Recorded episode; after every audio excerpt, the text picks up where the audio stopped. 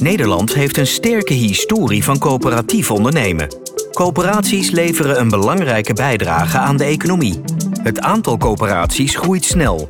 Nederland telt er inmiddels meer dan 3300 in verschillende sectoren en het publieke domein groeit snel.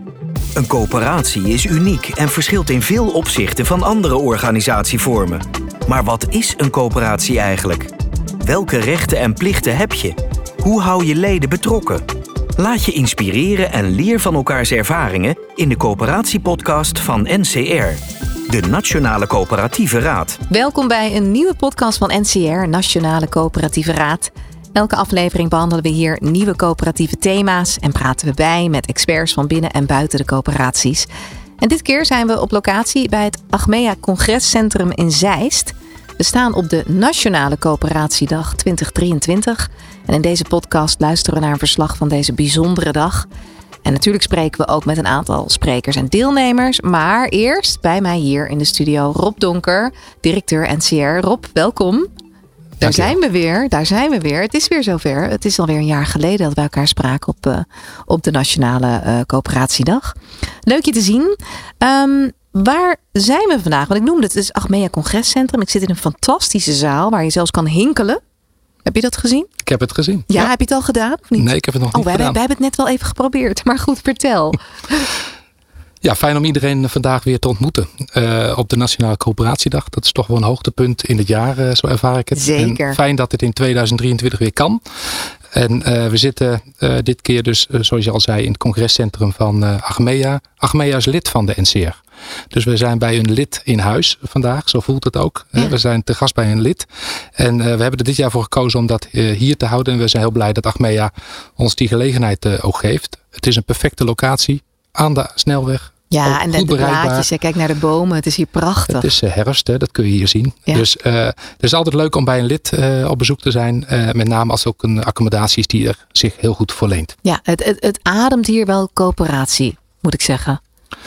Ja, dat kunnen de luisteraars niet uh, zien. Maar aan de, in de entree van uh, Achmea, daar zie je de historie van hoe de coöperatie ja. Achmea is ontstaan en hoe dat werkt. En uh, dat zal voor iedereen fijn zijn om een keer te kunnen zien. Ja, ja want er stromen al wat leden binnen. Hè? Want wat gaat er vandaag allemaal gebeuren?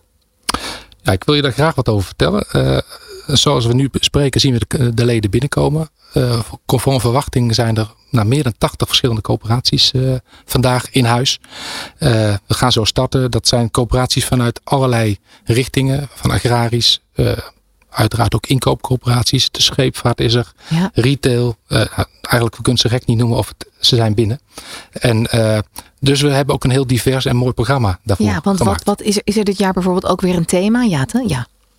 Ja, ons jaarthema, dat is mooi om te noemen. Dat is terug naar de toekomst.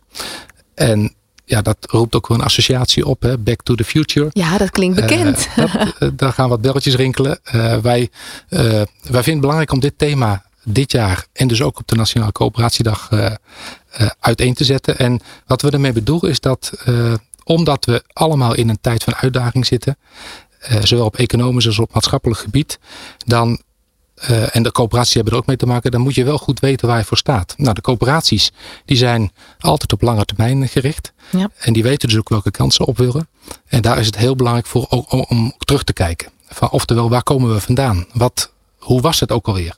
En uh, die combinatie, dat zit in dit thema ingebouwd. Terug naar de toekomst. Hè. Er zit een contradictie ja, in. want je gaat natuurlijk, dus, dat hoort natuurlijk bij een toekomstvisie die je zeker. dan hebt. Ja, die toekomstvisie is in de coöperaties en trouwens ook voor andere organisaties belangrijk met de, direct ook terug te kijken waar we vandaan komen. Ja, en dan, dat gaat natuurlijk gepaard met leren van lessen. En uh, hoe je ervoor kunt zorgen dat je de juiste beslissingen neemt. Hè? Dat zeg je altijd. Zeker. En ja. dat gaat vandaag ook hier gebeuren. Ja, klinkt, klinkt heel goed en uitdagend ook, denk ik. Of niet? Ja, we zullen vandaag ook een aantal thema's aan de orde stellen. Die daar in ieder geval ondersteuning aan geven. Om, uh, ik, ik, wil wel een paar dingen noemen daarin. Dat is uh, dat we vandaag ook uh, Marilieke Engbers in huis hebben. Die gaat met name op de governance, op de de, de, de discussie, de, de, communicatie in de boardroom. Uh, want daar Ja. begint het vaak ook. Hè, Ja, dat je ja. uh, naar de toekomst kijkt, maar ook terugkijkt. Uh, we hebben Leontine van Hoofd. Die gaat over gedragen besluitvorming spreken. Zij doet de opening hè, vandaag, toch? Ze is de hoofdopeningsspreker. Ja, ja. En eh, daarnaast doet ze ook een eh, deelsessie. En gaat ze met een aantal van de leden een stukje diepgang in. Of de, hoe kom je tot besluitvorming. En Ja. wat daarin aanspreekt is het collectief denken. Want dat kennen wij vanuit de coöperatie, vanuit onze leden. Heel goed. Ja. Wat we verder nog hebben is een, eh, aan de hand van het jaarthema ook een, eh, een dialoogsessie over solidariteit en over ledeninvloed. Dat is ook belangrijk om aan te Ja. kaarten. En we hebben het thema duurzaamheid aan de orde. Nou, als je naar de toekomst kijkt, dan is duurzaamheid wel een, eh, een belangrijk onderdeel. En daar gaan we het ook over hebben. Ja, wat goed. En ik zag ook dat Onno Hoeser is vandaag. Klopt dat? Ja, dat noemen wij dan maar de keynote spreker. Oftewel, die gaan we dus eh, Ja. opbouwend in de dag aan het eind eh, hebben. En Onno die is eh, nou, een goede spreker, denken we, omdat hij ook bestuurder is geweest in een coöperatie. Dus hij heeft het coöperatief bloed in zich. Daarnaast ook heel maatschappelijk betrokken op allerlei onderdelen en een landelijk denker. Dus hij kan ons ook meenemen. Daar hebben we hem gevraagd in het, in het thema terug naar de toekomst. Ja, geweldig. Klinkt als een vol programma. Ehm, en eh, ik mag een beetje aannemen dat wij ook sprekers in deze podcast krijgen. Heb je dat voor me geregeld? Dat hebben we geregeld. Nou, ja, fijn. we werken goed. samen. Hè? Dus, eh, ja, nee, zeker. Maar we willen de luisteraar graag meenemen ook. Hè? Dus, eh, dus dat is belangrijk dat we dan ook een beetje praten met de mensen die hier zijn. Ja. Ehm, jij zegt altijd coöpereren doe je samen, toch? Dus dat gaan we vandaag in deze podcast Dat ga je zeker merken. En we willen de luisteraars gra- graag de gelegenheid bieden om ook na de hand mee te krijgen wat hier gebeurd is. Ja, en als je niet geweest bent, kan je mooi even terugluisteren. Zo is het. Nou, heel veel succes en bedankt eh, Rob. We ontmoeten de sprekers graag later. En eh, eh, we gaan ook eens even kijken naar welke deelnemers hier rondlopen. Tot straks. Coöperatief Nederland luistert naar de Coöperatiepodcast. Alles over de toegevoegde waarde van coöperaties. Bij mij aan tafel Marlieke Engbers, auteur van het boek Onder Commissarissen. Ehm, welkom Marlieke. Dankjewel. Zeg ik het goed? Marlieke, ja, het is een vreselijke naam, Marielieke. Nee, het is geen vreselijke naam. Nou, het is een onhandige naam. Ik heb het nooit aangepast. Heel Is dat zo? Ja. Moest het aangepast worden? Nou, ik ben in de Filipijnen geboren. Wat moet je met in het, inter- in het internationale context met die naam? De, eh, luisteraars, er zit hier een prachtige blonde dame naast me met blauwe ogen die in de Filipijnen is geboren, waar ze moeite hadden met het spellen van jouw naam. Wat, toen was je al eigenwijs dus. Dat is misschien waar Ja, we het vandaag zou- nog over gaan ja. hebben. Nee, van harte welkom. Eh, jij bent hier vandaag omdat je ons mee gaat nemen in de wereld van de boardroom dynamiek. Mhm. Nou, dan gaan bij mij natuurlijk alle bellen gaan aan, want ik vind dat heel interessant. Ehm, jij praat over de complexiteit van het samen toezicht houden binnen raden van commissarissen en raden van toezicht. Over de onmogelijkheid van hun taak. Vertel. Ja, dan kun je eigenlijk al heel erg plat slaan door te kijken naar hoeveel tijd spenderen ze aan deze taak. Ja, Dus waar ik het, eh, ik ben dus gaan en daar promoveren. schrijf je over in het boek. Ja. ja. Dus ben gaan promoveren. Ik wist niets van die wereld. Vond ik ook leuk, want ik dacht, ik ga niet iets onderzoeken wat ik al weet. En, eh, en wat je dan doet, als je zeg maar als de domme doos of de buitenstaande die wereld betreedt, dat je denkt van, wat gebeurt hier? Dus ik heb ook hele domme vragen gesteld. Achteraf helemaal niet dom. Nee, maar je wordt wel behandeld alsof ze dom zijn. En die gingen heel erg over waarom zitten deze mensen aan tafel? Hoe lang werken jullie eigenlijk? Hoeveel tijd spendeer je hier aan? Ehm, dus al dat soort vragen. ehm, daar ben ik eigenlijk elke keer op teruggekomen. Dus in hoeverre is het wel menselijk wat we van deze mensen vragen? Het is een hele belangrijke baan. Hè? Ze moeten de bestuurder controleren. De organisatie is een vaag begrip. Dus je eigenlijk in feite controleren ze de bestuurder. En hoe weet jij nou of die bestuurder zijn werk goed doet? Wat weet je wat er in die organisatie plaatsvindt? En hoe kan je dat weten als je alleen maar wat ra- rapportages krijgt hè, van de CFO of van de management co- concern controller of wie het dan ook geeft? Wat haal je uit die rapportage? Praat jij wel met stakeholders? Of laat je je alleen maar informeren door de CEO? Al dat soort vragen roopt het bij mij op. En in jouw rol als onderzoeker, hè, want dat ben je natuurlijk, dan ben je even alleen maar onderzoeker op dat moment. Ben jij achter een aantal belangrijke conclusies gekomen? Neem ik aan. Eh, ja, als je dat zo vraagt, dan, gaat, dan ontploft het alweer in mijn hoofd. Dan denk ik, oh, dan moet ik natuurlijk met een lijstje komen. Nee hoor, helemaal Nee, niet. Ik, ik, dat snap ik dat dat jij... niet jouw bedoeling is. Maar het, het is Ja. wel zo groot. Hè, je, je zet het licht op iets waar men van denkt dat het goed loopt. Dat de re- regels zijn uitgedacht. Terwijl ik eigenlijk de regels helemaal niet logisch vind. En ook helemaal niet best practices waar ze het dan over hebben in de codes. Ehm, dus ja, Dus waarom dat boek dan? Want? Is, is dat de reden dat je het in een boek hebt uitgebracht, dit onderzoek? Ik bedoel, Ja. promoveren kan je op een hele hoop manieren doen, maar dit is echt een boek. ja, ik wil natuurlijk sowieso in de wetenschap zegt iedereen, niemand leest je, uh, je dissertatie. Ja. Het is ook in het Engels, het is ook wetenschappelijk. Dus het leek mij goed om het ook uh, te vertalen voor de praktijk. En wat ik ook wel leuk vond, is als jij mijn type onderzoek doet, en dat heet dan inductief, uh, dan ga je ook in de wereld letterlijk met wetenschappers praten over wat is wetenschapsfilosofie. En uh, hebben we discussies gehad over kan je überhaupt eigenlijk wel theoretiseren als je het gaat over menselijk gedrag in verschillende contexten. Want elk bedrijf, elk teampje is uniek in zijn eigen setting. En ik dacht, nou, ik ga doen wat die mensen me geleerd hebben. Ik ga gewoon in feite een, uh, een, een, verhaal schrijven. Dus het is, geen het is ook theorie, want elk hoofdstuk legt iets aan theorie uit. Maar het is een verhaal over Thomas onder andere. En Thomas die moet naar de eerste termijn vertrekken. Want Thomas is een beetje te kritisch. Ah, en her... Wacht. Daar zit dus een heel herkenbaar punt. Want dit gaat ook over de methode die je hebt ontwikkeld. Dit is onderdeel, Thomas is onderdeel van hoe je die methode uitlegt, neem ik aan. Nou, nee, in het, in het hoofdboek heb ik gewoon vooral aan de hand van een parabel, een, een versimpeld verhaal willen uitleggen hoe het er eigenlijk aan toe gaat. Dus door het verhaal te beschrijven, het ongezegde, het gaat natuurlijk over het ongezegde in de boardroom. Het ongezegde is eigenlijk iets heel subtiels tussen mensen wat in micro gebeurt. Dus je kunt dat allemaal in een theorie gieten, maar je wil het laten zien. Je wil ook de emotie erbij pakken. Dus vandaar een parabel waar elk hoofdstuk een ander perspectief krijgt, een andere rol. Dus je krijgt elke keer iemand anders te leren kennen, maar ook over de tijd heen, elk ander moment. Dus je, je krijgt twee doorsnedes. En zo laat je dus zien hoe verschillende mensen samen hun werkelijkheid co-creëren. Zo heet dat dan, hè? Ja. En uh, dat leek mij de beste vorm om het inzichtelijk te maken, ook op emotioneel niveau, wat er, wat er zo fout aan gaat. En wat er fout aan gaat, is op het moment dat het spannend wordt in die boardroom, gaan ze veel meer met elkaar strijden, dan dat ze eigenlijk de kern van de problematiek. Oei, ze blijven er niet boven hangen. Nee. Dat is, kijk, Laas, je hebt twintig jaar ervaring hè, als adviseur in leiderschap. Uh, je bent gespecialiseerd in cultuur en verandering van cultuur. Ja, wat gebeurt er dan met jou op zo'n moment dat je die interviews doet? Want jij zei het heel typerend. Ik stelde domme vragen. Waar haal je, waarom dacht je dat? Nou, die domme vraag uh, zat hem veel meer in de reactie. Hè? Dus je, je stelt een vraag, je, je stelt hem natuurlijk niet voor niks. En als jij in die cultuur zit, is dat een domme vraag. Dus al, heel veel van deze mensen gaan naar een opleiding. Daar krijg je de spelregels mee. En dan hou je eigenlijk al op te denken. De voorzitter is de baas. Of de, de voorzitter is de leider. Nou, ja, dat, dat, is niet de bedoeling. Uh, ik had ook steeds de wetenschap om al die vragen ook met te helpen voeden. Hè? Want de wetenschappers kijken er vanuit een andere blik naar. Dus vanuit de wetenschap begon ik steeds meer te ontdekken. Ik ben niet gek. Ja. Maar als je net als een broekie in die boardroom komt zonder enige opleiding. En natuurlijk ben ik niet een broekie, want ik had al heel veel jaren ervaring. Ik, ik, ik kwam met, heb een Shell stage gelopen, daarna bij Arthur Anderson gewerkt. Ja, ik heb, je hebt nou, een indrukwekkende achtergrond. Dus ik, kan echt wel meepraten over, over, nou ja, wat het dan ook is, EBITDA of hè, maakt niet uit. Uh, maar toch stel ik dus over de, hoe ze samenkomen, blijkbaar domme vragen aan de hand van de reacties. Hè? Zoveel, dat is meer non-verbaal. Ja, maar je hebt ook echt een methode ontwikkeld om die besluitvorming en die spreekcultuur, hè, zo mag je het wel noemen, in mhm. zo'n boardroom te verbeteren. Mhm. Ehm, en dit, dit, vond ik interessant.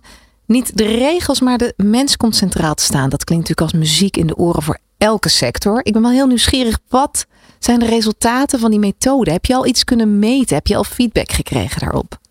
Nou, ik, ik help RVC's en RVT's uh, eh, zelf evalueren. Dat moeten ze vanuit de wet. En je, dat is ook weer zo tijdgebonden. Dan mag je dus vier uur met ze werken. Dat vinden ze al best wel vaak veel en lang.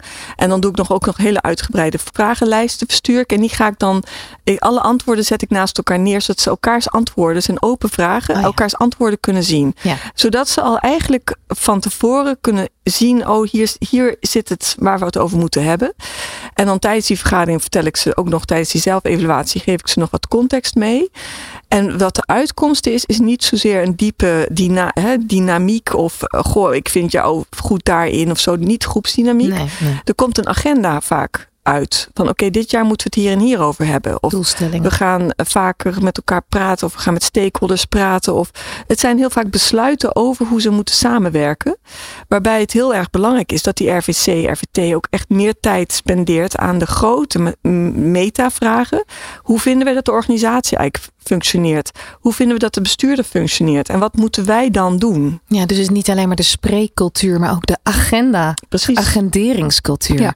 Wauw, dat is wel eh, Heel interessant. bazaal zeg. eigenlijk. En Je zou denken dat ze het daar al allemaal ik, over hebben. Ik wou het net zeggen. Ik bedoel, je, je komt net uit een zaal vol coöperatief ingestelde mensen. Die heb je verteld over het boek natuurlijk. Wat eh, is jouw indruk van, van ehm, wat zij ervaren zelf? Heb je ze iets kunnen vertellen waarvan je zag dat herkennen ze? Nou, het is. ehm, als we het hebben over menselijk, dan zie ik dat als je. eh, dan denk je altijd dat het iets prettigs is. Menselijk is lief. Het is. Maar eigenlijk heb ik het over iets heel naars. Als het gaat om menselijk. Want ik heb het over de blinde vlek. Ik heb het over Ja. denkfouten. Ik heb het over subjectiviteit. Mm, mm, Ik heb het over conflict. Ik heb het over macht. Dus wat mensen denken als ik zeg het is menselijk, dan en ik ben mogen meestal zien mensen me ook denk ik wel als een lieve vrouw. Hè? Nou ja, je hebt ook prachtige paarse jurk aan vandaag. Het helpt natuurlijk, en dat blonde haar, dat helpt natuurlijk allemaal niet mee als je even serieuze zaken wil gaan. Nee, maar alle gekheid op een stokje.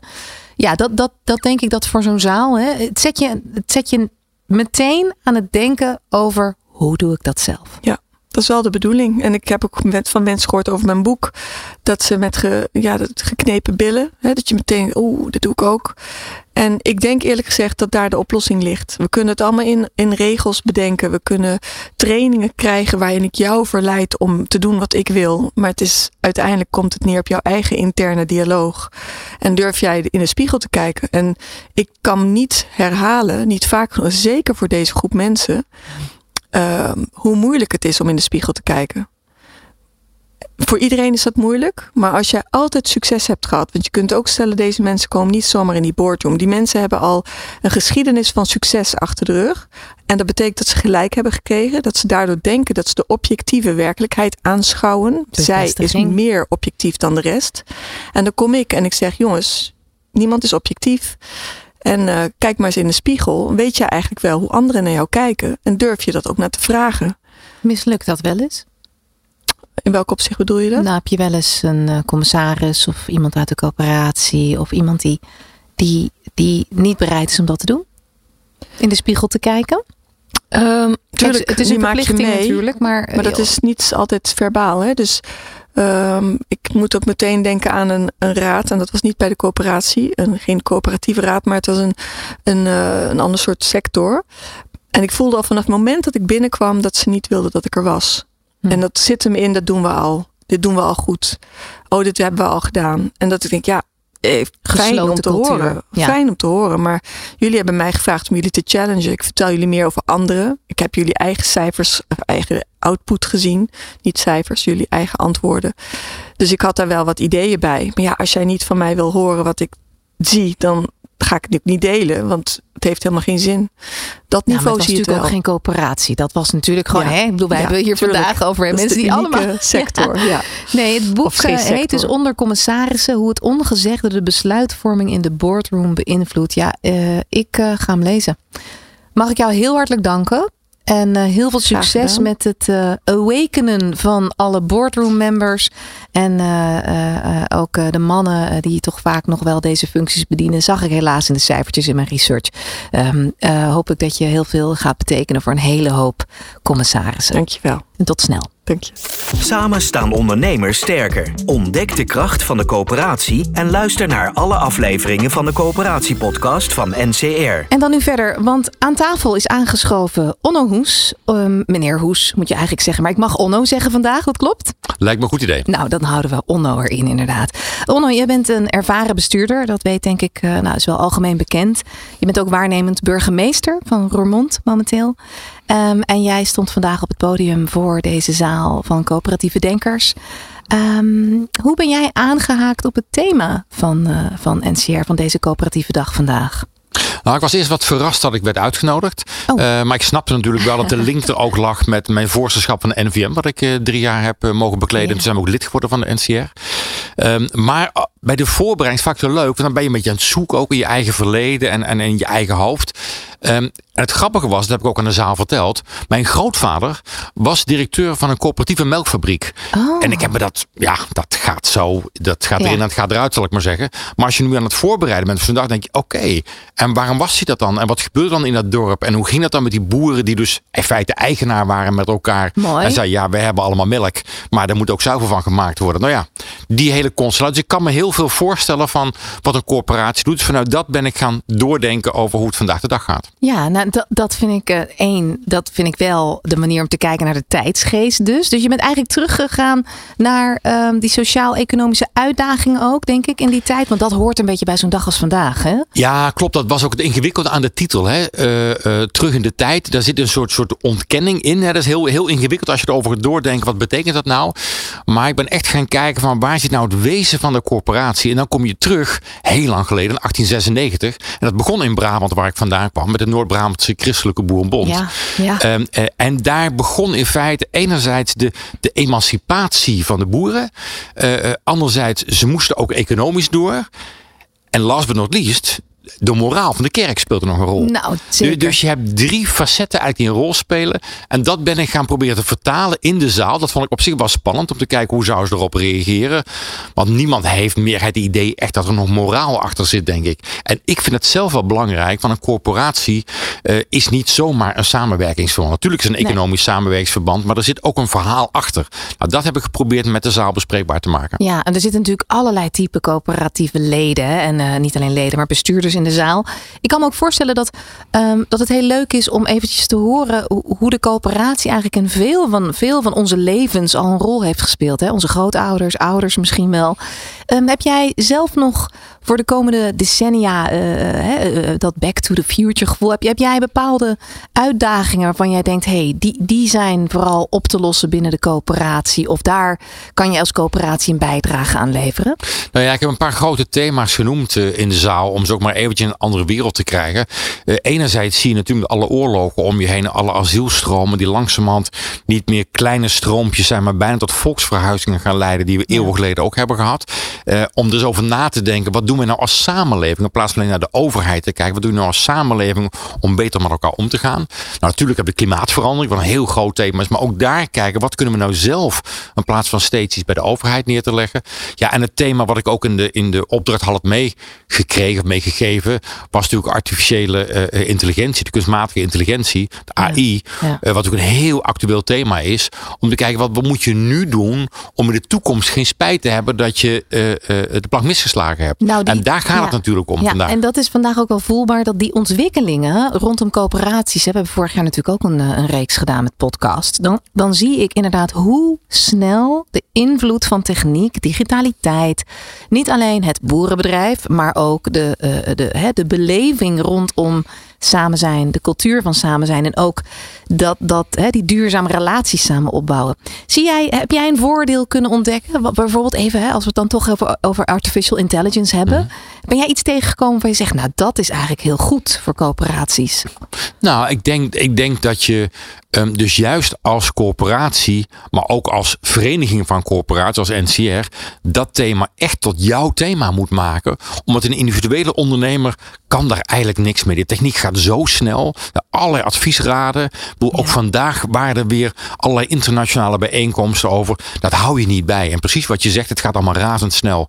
Dus daar heb je echt elkaar voor nodig om die techniek te optimaliseren. En van daaruit gewoon je werk weer te kunnen doen. Maar je werk is dus ook kijken wat voor soort samenleving werk ik. En wat voor soort product en wat voor nou ja, ja. middelen heb je daarvoor nodig. Nou dus het AI is super belangrijk om met elkaar op te pakken. Hebben wij, hebben wij binnen de coöperatieve gedachte wel ruimte voor dat, dat sociaal-maatschappelijke draagvlak van dit soort technieken? Want je moet er natuurlijk wel één voor openstaan. Eén, we moeten bijgepraat worden. Dat is heel duidelijk vandaag. Je moet ervoor openstaan. Dat zijn al twee hele grote stappen, of vergis ik me dan? Nou ja, klopt. Kijk, in, in, in mijn gedachtegang bij de voorbereiding was het eigenlijk heel simpel. Hè? Want van het een kom je het ander, je zet op het papier een pijltje en je maakt een leuk sheet van en klaar is Kees. Ja. Maar dan valt er een stilte in die zaal. Dat weet je niet van tevoren of dat wel of niet gebeurt. Maar dan valt er stiltes in de zaal van oké, okay, moeten wij dat doen? is dat niet een beetje, beetje too much? en dan ga je met elkaar in gesprek. En dat vind ik ook leuk van zo'n interactieve zaal. Je hebt iets van 250 mensen in de zaal zitten. dat je met elkaar gaat kijken. Wat kun je wel en wat kun je niet? En wat kun je individueel, wat moet je collectief doen? En er is ook een heel groot verschil tussen de leden van de NCR. Dat zijn de kleine corporaties die mhm. bijvoorbeeld met, met duurzame energie te maken hebben. Met ook hele grote corporaties. Nou ja, die solidariteit onderling, die is ook ontzettend belangrijk. Dus de grote, de, de Achmea's en de Rabobank en zo van deze wereld, hebben wel een taak en een verantwoordelijkheid, vind ik, voor de kleine corporaties. Nou ja, daar hebben ze ook op aangesproken. Nou ja, en dank daarvoor. Want vandaag was het zeker inspirerend om naar je te luisteren. Um, het gaat dus eigenlijk om dat uh, het coöperatiemodel een beetje lef nodig heeft. Hè? Zeker. Ja, en hoe, zeker. En hoe, en hoe, is er nog een tip dat je zegt, nou, uh, ik, kan vanuit mijn referentiekader van wat ik heb meegemaakt dit delen. Ik zag ook wel coöperatieleden en in het verleden ook die inderdaad de hoe-vraag dan stellen en eigenlijk het heel inspirerend vinden, maar het ook heel lastig vinden om in de praktijk te brengen. Ja, nee, kijk, die, die, het, is ook, het is ook ingewikkeld. Ik heb ook foto's nog laten zien van de eerste computer. Nou ja, dat, dat zijn ruimtes zo groot als de congreszaal. Ja. Ik herinner me van, van ons eigen familiebedrijf. We hadden ook een familiebedrijf. Wat ook een soort van corporatie, corporatief denken is natuurlijk. Ehm, ehm, mijn vader en mijn oom kochten ook een computer. Nou, ik weet dat waar eerst tien mensen zaten, stond nou die hele ruimte vol met een computer. Ding maakte een oorverdovend lawaai. Ik, ik hoor het nog zo in mijn oren. En we hebben dan toch over 50 jaar geleden. Ja. Uh, want zo snel gaat de tijd. En ja, dat zijn wel de stappen die je nu ook moet maken met elkaar. Uh, en daar moet je over doordenken. Dat je enerzijds zegt welke verantwoordelijkheid heb ik zelf. En welke verantwoordelijkheid leg je bij het collectief neer. En heb, ben je ook bereid om erin te investeren met elkaar. Want dat moet natuurlijk gebeuren. Maar als je het niet doet. En dan terug naar het thema van vandaag. Uh, dan heb je in de toekomst spijt dat je nu die beslissing niet hebt genomen. En daar moet je elkaar recht voor in de ogen kijken. Nou, ik vind het een hele mooie conclusie. Want het gaat er ook met je het niet alleen één op één doet. Maar dat je ook ketenbreed natuurlijk met elkaar dit aanpakt. Ja. Nou, nogmaals hartelijk dank voor de komst vandaag. En uh, wie weet tot snel. Dankjewel. Ontdek de kracht van de coöperatie en luister naar alle afleveringen van de Coöperatiepodcast. Bij mij aan tafel Leontien van Hoofd, de openingsspreker van vandaag. Leontien, welkom. Dankjewel. Jij uh, hebt uh, vandaag op het podium gestaan natuurlijk. Daar gaan we uitgebreid over praten. Um, de openingsspeech, wat was daar jouw grootste boodschap? Um, mijn grootste boodschap is eigenlijk dat we naar een ander soort systeem toe moeten. En dat het systeem wat we hier met elkaar uh, in het Westen ontwikkeld hebben, dat het niet meer toereikend is. En dat we om naar een ander systeem toe te, uh, toe te komen, um, zullen we ons moeten gaan verdiepen in andere referentiekaders. En het referentiekader waar ik mij heel erg hard voor maak en wat ik uh, ja, ook probeer te distribueren langs deze weg, dat is het concept van Ubuntu. Omdat het in feite alle boxen raakt, uh, aantikt van alle crisissen en vraagstukken die we op dit moment op ons bord hebben liggen. Nou ja, ik vind het heel mooi dat je het zo inleidt, want voor de luisteraar, uh, Leontien is corporate antropoloog en je bent auteur. Je hebt ja. uh, een boek geschreven, De kracht van Afrikaans denken. Jij dacht, ik ga daar een boek over schrijven. Waarom?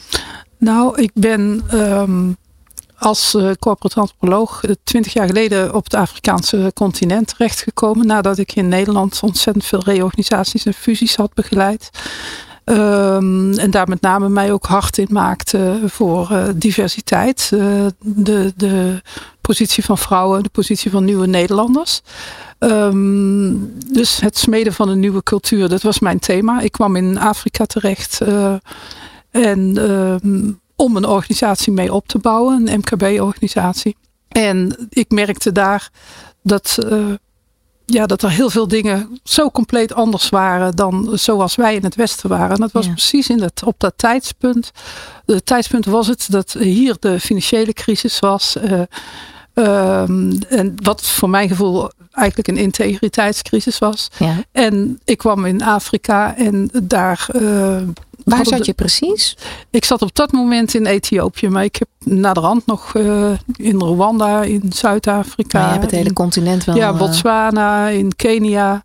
Um, ja, ook gewerkt. Ja. En um, ik ben tot dat schrijven gekomen in antwoord op jouw vraag, omdat ik me zo verwonderde in wat ik daar aantrof. Ja, dat um, nam jij mee, hè? Jouw verwondering. Ja, ik nam mijn verwondering mee. En, um, en dat is dus ook de paradox. Hè? Wij, zijn, wij zijn hier heel erg uh, gericht op. Ons denken is, is heel erg gericht op dat wij uh, Afrika moeten helpen. En dat wij vooral daar onze westerse kennis en wijsheid naartoe moeten brengen. Nou, zo vertrok ik dus ook. En ik maar je kwam, kwam anders terug. Ja, ik kwam anders terug. En um, ik heb daar uh, vele malen meer gehaald, geleerd dan dat ik denk ik uh, heb kunnen brengen. Wat was een van de, kan jij een van de dingen noemen die essentieel wezenlijk anders zijn? Want je ging eigenlijk hè, naar, je hebt, je hebt een bijzondere ontdekkingsreis gemaakt in Afrika. Um, daar heb je ook een soort tribal community uh, uh, concept. Nou ja, eigenlijk is dat hoe het werkt. Ja. In veel Afrikaanse landen. Daar ja. zal ook echt wel weer verschil tussen zitten. Ja. Maar ook Wat met was... meer overeenkomsten. Dan, wij zijn altijd in het Westen op zoek naar verschillen. Hè? Ja. Maar ja. de Afrikaanse uh, community, en dan chargeer ik ook, maar die is meer uh, geïnteresseerd in overeenkomsten. Vind ik heel mooi dat je dat zegt. Wat, wat is um, de grootste boodschap voor organisatiebeleidmakers vanuit jouw filosofie? Dat het heel hard tijd is voor verandering. En als je dat nu niet op gaat pakken, als je je nu niet gaat verbinden, bijvoorbeeld aan um, ja, werkelijk zingeving in organisaties.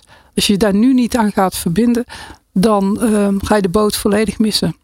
Want um, het zijn ja, zeker ook de jonge mensen die zijn op zoek naar zingeving. Die willen ergens bij horen, die willen gehoord, gezien worden. En als jij niet van een organisatie een tribe maakt, ja. dan ga jij dat, uh, dat, dat helemaal missen. En dan, hou jij, dan kun jij nog zo'n goede HR-afdeling houden, maar dan komen ze aan de voorkant binnen en aan de achterkant verdwijnen ze. Want die mensen hou je niet. Nee, je en dat groeien. is ja, ja. Ja, ja, mensen willen toch ook aangesproken worden en kansen krijgen, waardoor hun persoonlijke groei een ontwikkeling uh, tot zijn recht gaat komen. Dus jij bent eigenlijk de, de persoon die, die um, organisaties ook kennis laat maken met, met hè, de rest van de wereld. Als ik het zo weer heel erg vanuit de helikopter bekijk. Um, de wereld van Ubuntu speelt daar een belangrijke rol in. Ik ja, het concept. Een, ja, het concept. Ik, ja. ik, ken toevallig een voetbalclub uh, of een, een, een, een coachingclub die ook zo heet. Leg eens uit, waar staat Ubuntu voor? Ubuntu staat, als ik het in, in, in één zin uh, kan zeggen, voor uh, humaniteit en diepe verbondenheid van mensen onderling, maar ook met de natuur, met de dieren, met de hele planeet. Ja. En dat is waarom dit in een nutshell ook zo'n concept is waar wij gewoon hier in het Westen iets mee moeten. En dat is ook, we hebben het eerder um, al gehad in podcast ook over die co-creatie. Dus met elkaar, die coöperatieve gedachte. Er is heel veel verwantschap dus eigenlijk tussen coöperatief ja. denken en Ubuntu. Ja, dat is er. Wat uh, niet per se wil zeggen dat dat op het verwantschap op hetzelfde niveau is. Als het gaat over Ubuntu, dan is het een hele diepe verwantschap. En als je de mens als geheel ziet, wij maken, en, en ook dat geldt net zo goed voor coöperaties als voor iedere andere organisatie. Wij zijn heel erg genegen om een knip te maken in wie de mens is. Hè? Je bent een professional en ja. daarnaast heb je ook nog een ander leven. En als jij naar een verjaardagsfeestje gaat, dan uh, word je vaak uh, voorgesteld of je stelt jezelf voor als de professional die je bent. Terwijl vanuit het concept van Ubuntu wordt er gekeken naar de hele mens. En die knip zit er helemaal niet. Daar kunnen zij zich helemaal niks bij voorstellen. Heel dus dat herkenbaar. betekent ja. ook, um, als je dan kijkt naar het hart van Ubuntu. En het hart van Ubuntu is gedragen besluitvorming. En dat is de sessie die ik vanmiddag ook heb uh, gedaan. Ja. Um, dan Want betekent hoe ging het, dat inderdaad? Je hebt, het ging ook om, je wil de kleinste stem ook ja, een plek geven. Hè? ja, dat is eigenlijk de kern van wat je vandaag. Nou ja, in, in, in die gedragen besluitvorming komt alles samen. Er komt de, de kijk op diversiteit, wat wij in het Westen als kwetsbaar zien, wordt uh, in de Ubuntu-context uh, wordt dat als kracht gezien. Hoe meer divers dat je bent als organisatie, hoe meer overlevingskansen dat je hebt. Als je allemaal klonen van hetzelfde bent, krijg je altijd resultaten, producten, al, noem het eigenlijk allemaal maar op, die allemaal op elkaar lijken. Ja. Vanuit het Ubuntu-concept benader je het vanuit de hele mens. En dan krijg je hele andere resultaten. En doordat je het benadert vanuit maximale diversiteit, breng je niet alleen uh, mannen, vrouwen, etniciteit, uh, ja, noem alle vormen van diversiteit maar op, uh, bijeen. Maar je kunt ook nog kijken naar de mens die je consulteert. ehm, waar je dus in feite een stukje van mobiliseert. Dus in zo'n Le Godla, wat ik vanmiddag hier heb laten zien, zie je dat ik de ene keer jou kan consulteren als zijnde de professional. En dan consulteer ik jou als chief eh, vanuit jouw professionele toegevoegde waarde die je hebt. Maar de andere keer kan het zijn, in een andere sessie kan het zijn dat ik jou niet als professional uitnodig, maar dat ik jou als mantelzorger uitnodig. Ja, precies. Ik kan het zeggen. Of als, als moeder van, broer of van, als moeder van. van. Of als het, het doet me een beetje denken aan, uh, aan wat wij in het Westen ook wel gebruiken. zijn opstellingen om, om, om inzicht te Ja. krijgen in waar jij staat. En, en uh, hè, als je links kijkt, rechts kijkt, voor je kijkt, achter je kijkt, wat je ziet. Wat je ziet, familieopstellingen. Ja, zeker. Mooi.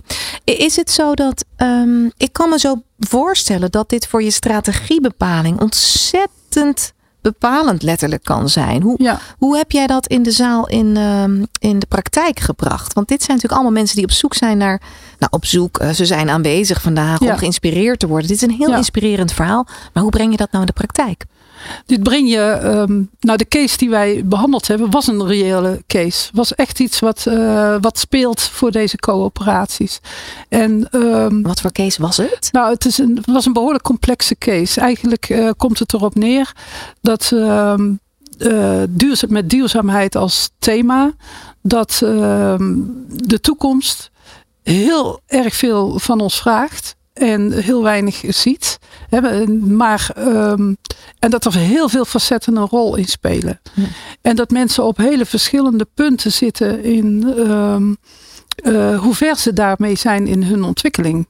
Dat kan, kan ontzettend verschillen. En dat, um, dat maakt het ook heel boeiend, want daarmee krijg je dus ook stemmen die kritisch zijn, stemmen die weerstand hebben. en die ga je ook uitdagen. Dus ja. je brengt niet alleen die, die professionals en, en de buurvrouw of de moeder in, uh, in, in, de kring, maar je brengt ook karaktereigenschappen van mensen uh, in zo'n groep die um, in de westerse context zich vooral laten horen bij het koffiezetapparaat en in de wandelgangen. Ja, ja. En niet in de besluitvormingssituaties, in de vergaderingen. Want dan zijn ze vaak stil. Dat zijn die kleine stemmen, maar dat zijn wel hele kostbare stemmen. Want het zijn stemmen die, uh, die je kunnen behoeden voor het maken van fouten. Die uh, kritisch als, als kritische mensen dat geluid goed gebruiken vanuit betrokkenheid, kunnen ze werkelijk ontzettend veel betekenen. Maar je moet wel als, als chief, als leider, um, het aandurven om die zien. mensen die ruimte ja. uh, te geven. Maar en te waarderen. je het aandurft, moet je natuurlijk ook weten hoe je ze kunt zien. Ja, nou als een, een goede chief, die kent uh, zijn mensen. En die kent dus niet alleen de professional, maar die kent zijn mensen. Precies. En uh, daar begint in feite alles bij. En een goede chief, die is ook in staat om Um, want dat gaat altijd aan zo'n consultatie vooraf. Om mensen vertrouwen te geven. Waardering en vertrouwen. Als je iemand uitnodigt om mee te gaan rondom zo'n case. Wat we ook vanmiddag uh, hebben kunnen zien.